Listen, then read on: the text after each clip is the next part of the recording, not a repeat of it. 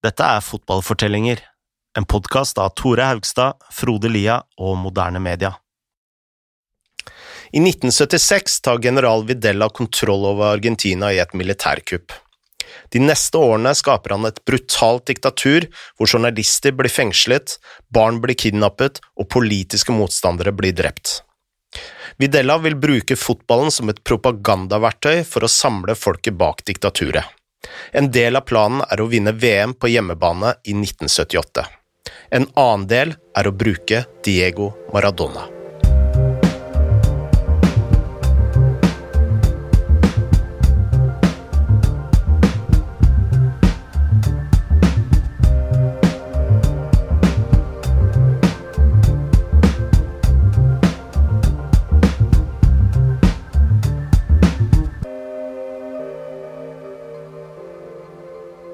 Landslagsdebuten eh, kastet Maradona for alvor inn i rampelyset.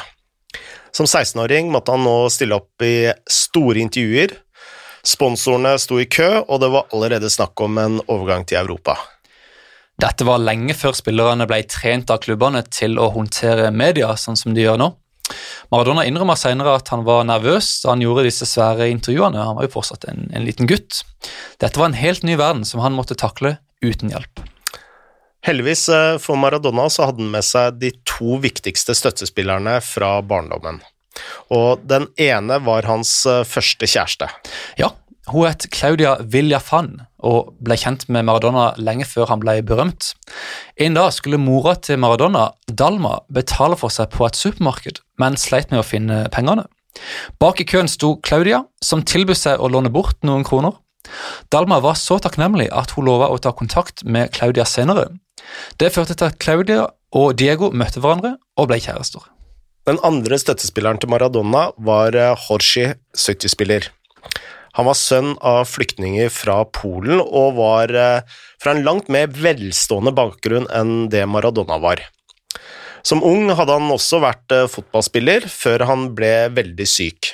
La oss høre fra Jonathan Wilson om hvordan han møtte Maradona.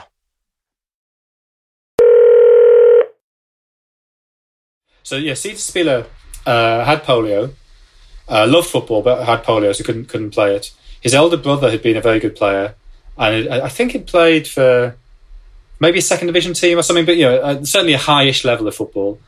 And then had had had, um, had, had, had taken a kick to, to, sort of the, the abdomen, and it had caused some kind of rupture, and, and he died. And this sends Cedar Spiller when he's I think like thirteen or something.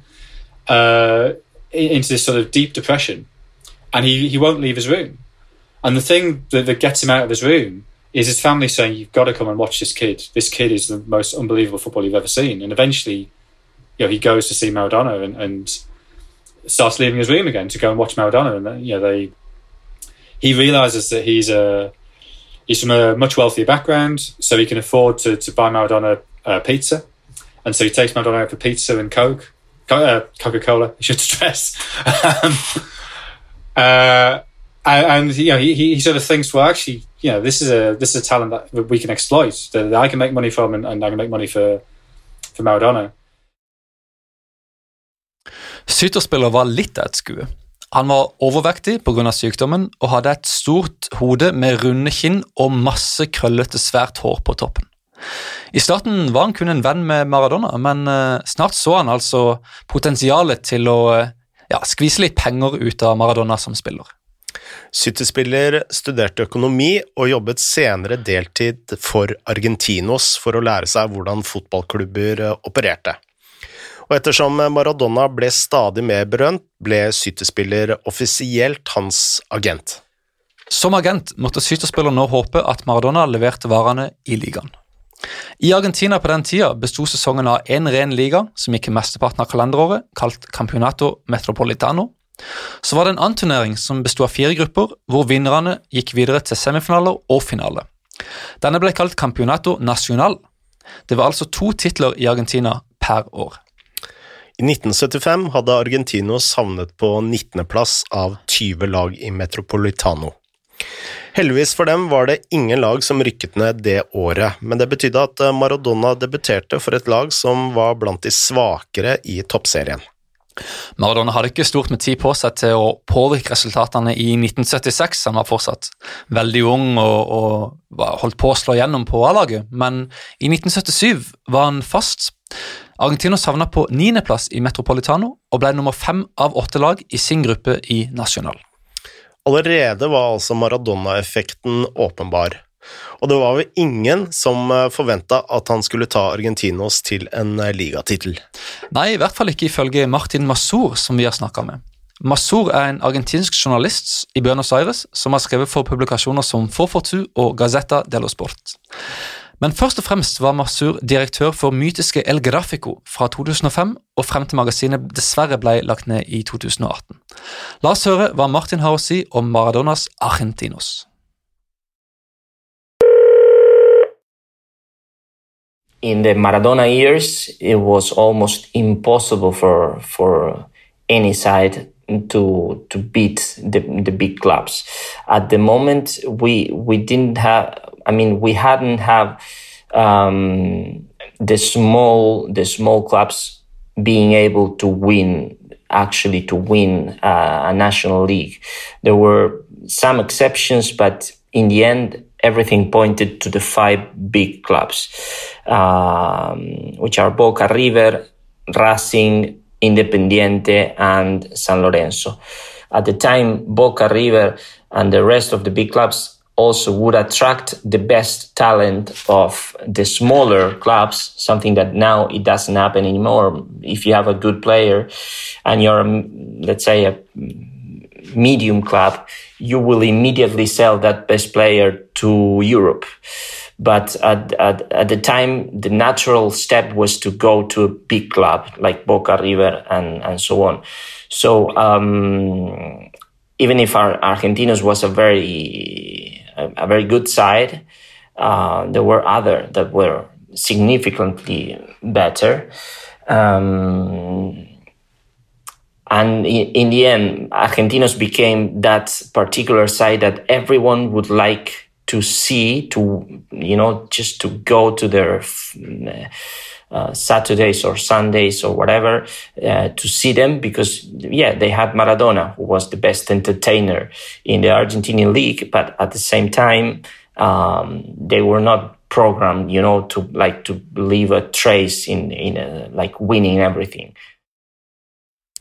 I starten av 1978-sesongen var Argentina i full gang med forberedelser til VM på hjemmebane.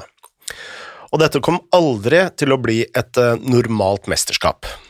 To år tidligere hadde nemlig general Jorge Rafael Videla tatt kontroll over landet i et kupp. Nå drev militæret et brutalt diktatur som verken ga rom for pressefrihet eller politisk debatt. Videlas militær ble kjent som La Junta, og det er verdt å ta med hvordan Argentina endte opp i denne situasjonen. Like før kuppet i 1976 ble Argentina styrt av Juan Perón, en mytisk president som hadde spilt en stor rolle i Argentinas historie helt siden 40-tallet. La oss høre mer om Perón fra Jonathan Wilson.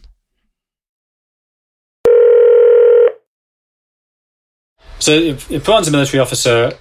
He he's he serves in the government. I think he's education secretary in the early 40s in, in, in the military government. And then in 46, he seizes power. Uh, there's this hugely symbolic moment called the, the March of the Camisados, uh, the March the Shirtless Ones. These incredibly poor workers not wearing shirts who, who, who literally just walk across the Riachuelo River, which is an offshoot of, a, of the River Plate. And it separates Buenos Aires itself from Avellaneda. And um, they, they converge in the Plaza de Macho outside the Casa Rosada. And that's what brings Peron to power he's a populist dictator. You, I mean, you can debate endlessly what, what Peronism actually is. Essentially, it's nothing. It's it has no coherent philosophy. It is populist, and in the very short term, it was very good for the working classes. Uh, there's proper trade unions, there's improved wages, improved living conditions, but it was achieved um, by isolationism, which is why Argentina don't compete uh, in any World Cup between 34 and 58. Um, and isolationism, isolationism uh, the reluctance to engage in global trade means they don't sign up to uh, to GATT, to the General Agreement on Tariffs and Trade, in 1946, which puts them outside the world economy, which is yeah, is fine for a little while, but slowly by the mid fifties, the economic pressure is growing, uh, and he's toppled in a coup in fifty five, and he he goes to um, to Panama. But yeah, he, he, he gets brought back in '73 on this sort of huge popular, you know, wave of popular support. But even as he, as he as he lands at Ezeiza, the airport just outside Buenos Aires, there's enormous crowds gathered, millions of people. And a gunfight breaks out between different factions of his support because Peronism is not coherent, it has different wings. And the far right attack the, the far left within the support. And so, yeah, there's, I can't remember how many are killed, but just shot dead as, you know, as he lands to celebrate his landing. So that's how doomed Argentina was in the 70s. And you by the time Isabelita's in power, um, I can't remember the exact figure, but it's something like there's a political murder in Buenos Aires every three hours. So the country is totally unmanageable. Um, so you can you can understand why there was a belief on the part of conservative factions in the country that a military regime was the only way of, of trying to regain order. Uh, I'm not saying it was right, but I'm saying I can understand why, for instance, the Catholic Church, the army, might think that to bring order to, to this society that's, that's broken down, the, the, the, the military government is, is the only way forward. Nå giret altså militærdiktaturet opp til VM, som ga dem en gyllen sjanse til å vise folket og resten av verden hva Argentina kunne oppnå under Videla. Og noe av det ironiske her er jo at treneren til Argentina var Luis Cesar Menotti, en fyr som hadde helt andre verdier enn eh, det diktaturet hadde. Ja, slike diktaturer assosieres jo ofte med den politiske høyresida. Menotti var helt på andre sida av spektrumet her. Han var en bohem med langt hår, liberale verdier og stor appetitt for både sene kvelder og feite sigarer. Så ser bildene, så er han liksom den typen som har de tre øverste knappene på skjorta åpne, og så masse hår og gullsmykker og alt det her. Um, så han var jo ikke enig i det diktaturet prøvde å gjøre. På banen var han også en romantiker. Han var forelska i La Nuestra, denne originale spillestilen til Argentina som handla om å angripe med teknikk, fart og artisteri. Menotti likte åpenbart eh, ikke diktaturet, men eh, som landslagstrener så hadde han jo ikke noe annet valg enn å gjøre sitt beste. Før VM tok han ut en stall på 25 spillere, hvor Maradona var inkludert. Problemet til Menotti var at han eh, måtte vrake tre spillere til, og han hadde fem spillere som kunne bekle tierrollen like bak spissen, blant dem Maradona. Maradona var allerede landets store juvel på den tida, men eh, han var også veldig ung og uforutsigbar. Så Minotti endte opp med å vrake Maradona til stallen, og få et stortallet som kunne blitt med på VM på hjemmebane, var ikke dette bare en skuffelse? Det var i praksis som at Maradonas verden raste sammen. Maradona skrev senere at vrakingen var hans livs største skuffelse. Og selvsagt, som Maradona ofte gjør, brast han sammen i gråt.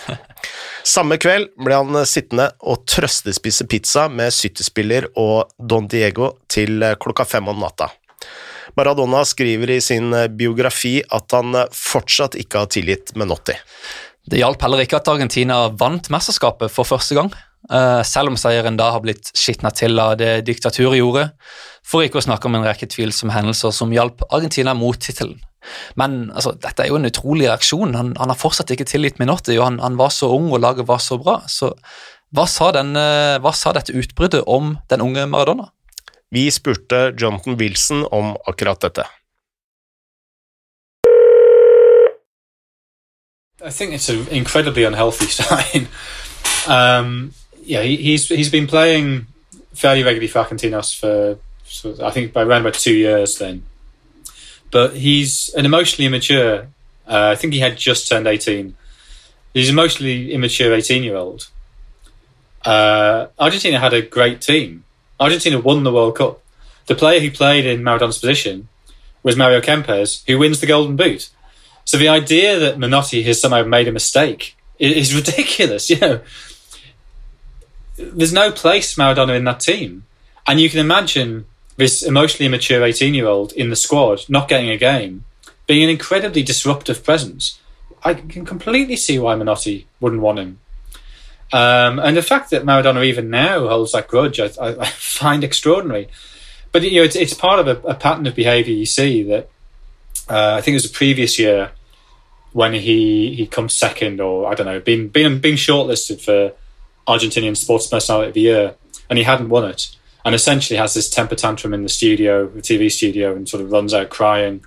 Uh, there's a story about uh, a youth tournament. He, you know, he where they his team had lost in the final, sort of four or five years earlier. So when he's yeah 13, 14, and how at the end, you know, he sort of breaks down in tears, and you know they can't move him from the pitch, and he wants to give up football.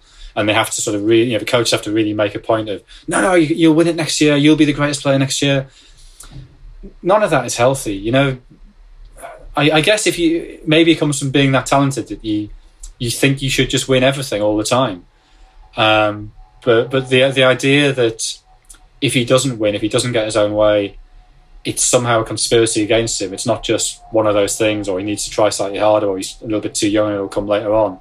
I think you see that that unwillingness to take responsibility carries on throughout his life. And maybe that's just inherent in him, but I also wonder if, if maybe a firmer hand earlier in life might have might have been beneficial. Om vrakinga var en skuffelse for Maradona, så var han også en motivasjon for å slå hardere tilbake. Maradona oppdaga snart at han var på sitt beste når han var ute etter revansj. Kun noen dager senere spilte Argentinos mot Chacarita. De vant 5-0. Maradona hadde to mål og to målgivende pasninger. Den sesongen tok Maradona laget til en sterk femteplass i Metropolitano. Han ble også toppskårer i turneringen med 21 mål. Sesongen etter, i juni 1979, skåret Maradona sitt første mål for Argentina i en treningskamp mot Skottland på Hampton Park. To måneder senere var han kaptein da Argentina dro til Japan for å spille VM for U20-lag. Ting gikk veldig kjapt nå for Maradona. Eh, og Det U20-VM-et, som da het Fifa World Youth Cup, ble holdt for andre gang det året. Menotti anså det som såpass viktig at han eh, selv dro ned for å trene laget, og gjorde Maradona til kaptein. Og her må vi jo nesten synes litt synd på motstanderne. Altså, Argentina hadde med seg en spiller som egentlig tilhørte A-laget, og som herja i den hjemlige serien. Turneringen i Japan ble jo Maradonas lille ja, lekestue, kan vi si. Argentina spaserte ut av gruppen og vant til slutt finalen 3-1 mot Sovjetunionen. De vant alle sine kamper, og Maradona ble kåret til eh, turneringens beste spiller. Men da stallen dro tilbake til Buenos Aires, fikk de ikke feire tittelen alene. Der ventet general Videla, som allerede hadde gitt Maradona fri fra militærtjeneste, og som nå ville bruke ham til å fremheve sitt regime. La oss høre mer fra Jonathan Wilson.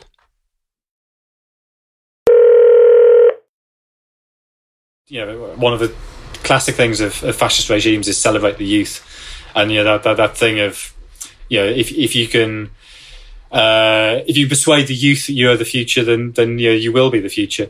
And so you know they, they you know they win that tournament. They go back to Buenos Aires. This, this huge uh, reception and, and huge parades, and and they take him out on the on the balcony at the the Casa Rosada, the you know the the, the famous uh, presidential residence on Plaza Macho, which yeah you see in in Evita, you know that, that, that famous balcony, and yeah they they bring him out there and they make him cut his hair, which is interesting. That he had long hair, but they they make him get the classic sort of um, military service style, short back and sides, to sort of show he yeah, even though we're going to excuse him from his military service, he is still serving the state.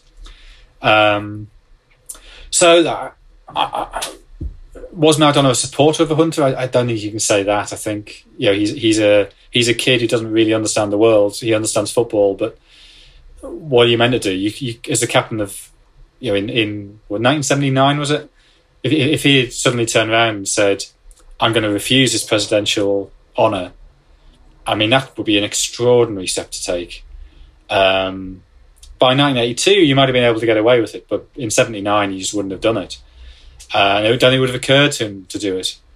Um, and to an extent, you know, he he has a right to, to sort of take uh, take that honor from the people, and and and it's just what you consider the state of Argentina to be. Is it its government or is it its people? And that's a really tricky question to answer. And your Menotti in, in, in his autobiography really struggles with that question. Um, of you know, uh, you know, he's obviously proud to have won the World Cup, but he's also aware that by doing so, he probably extended the life of the hunter by a year or two or or more. Um, so yeah, he's he's used by the hunter. Is probably the best way of putting it. Tittelen i U20-VM gjorde Maradona enda mer berømt. Innen 1979 hadde oppmerksomheten rundt han blitt så stor at Sytterspiller hadde stifta Maradona Productions, et selskap for å bygge opp imaget rundt Maradona. Dette var på en tid hvor eh, nesten ingen spillere hadde agenter. De fikk betalt av sine klubber, og det var det. Det var helt uhørt å sette opp et eget selskap for å tjene sponsorpenger på en fotballspiller. Snart sikret Maradona seg en rekke lukrative avtaler. Han eh, samarbeidet med Puma og Coca-Cola, han solgte tannbørster, og det ble til og med laget en liten dokke kalt Diegito. Men Maradona sa ikke ja til alt. Han avslo sponsoravtaler med sigaretter og vinmerker, litt ironisk eh, sånn sett i ettertid, kanskje, eh, fordi han ikke ville oppfordre til slike ting. Et godt forbilde, Maradona. Snart hadde Sytterspiller råd til å kjøpe to svære hus til Maradona, som var blitt så berømt at han knapt kunne gå ut på gata. Men på kvelden så koste han seg på byen. Nå som denne ja, fattige gategutten var blitt rik og berømt, så skulle det jo bare mangle at han utnytta nattelivet i Buenos Aires så godt han kunne. Maradona danset, drakk og festet til langt på natt. Det manglet ikke på damer som ville bli kjent med ham, noe som eh, må ha bekymret stakkars Claudia. Som Maradona sa selv, jeg var eh, forelsket i Claudia, men jeg var ingen helgen. Festinga stoppa ikke Maradona fra storspillet for Argentinos i ligaen. I 1979 var Metropolitano nå blitt til to grupper med ti lag i hver, før fire lag gikk videre til semifinaler. Den sesongen kom Argentinos på andreplass, ett poeng bak River Plate. Men eh, dessverre for Argentinos hadde Veles like mange poeng, så de eh, to lagene måtte ut i en playoff som eh, Veles vant. Likevel var andreplass en råsterk prestasjon for Argentinos, og det var ingen tvil om hvem som hadde mesteparten av æren for det. Maradona ble delt toppskårer i Metropolitano og toppskårer alene i nasjonalturneringen. I 1980 var Metropolitano tilbake som én stor liga. Argentinerne elsker å bytte ligaformater omtrent hvert år, og Maradona ble bare bedre og bedre. Argentinos kom på andreplass det året. I Nasjonal vant de sin gruppe, men tapte i kvartfinalen mot Racing, og totalt sett så var jo dette en, en veldig, veldig god sesong. I Nasjonal hadde de møtt Boca i en veldig viktig kamp i november, før den kampen hadde Boca-keeperen Hugo El Loco Gatti gitt et intervju til storavisen La Razón, hvor han hadde sagt at Maradona var overvurdert og feit. Gatti sa senere at han hadde blitt eh, feilsitert, men eh, dette gjaldt jo ikke for Maradona. Han var rasende uansett, og skytterspiller gjorde det han kunne for å fyre han opp. Argentinos banka senere Boca 5-3, og Maradona skårte fire mål. Det året ble Maradona toppskårer i begge de to turneringene med 42 ligamål totalt. Allerede som 20-åring var han blitt for god for den argentinske ligaen. Skytterspiller jobbet nå med å sikre en lukrativ overgang til en storklubb i Europa. Men militærregimet ville at han skulle bli i Argentina. Kampen om Maradona var i gang.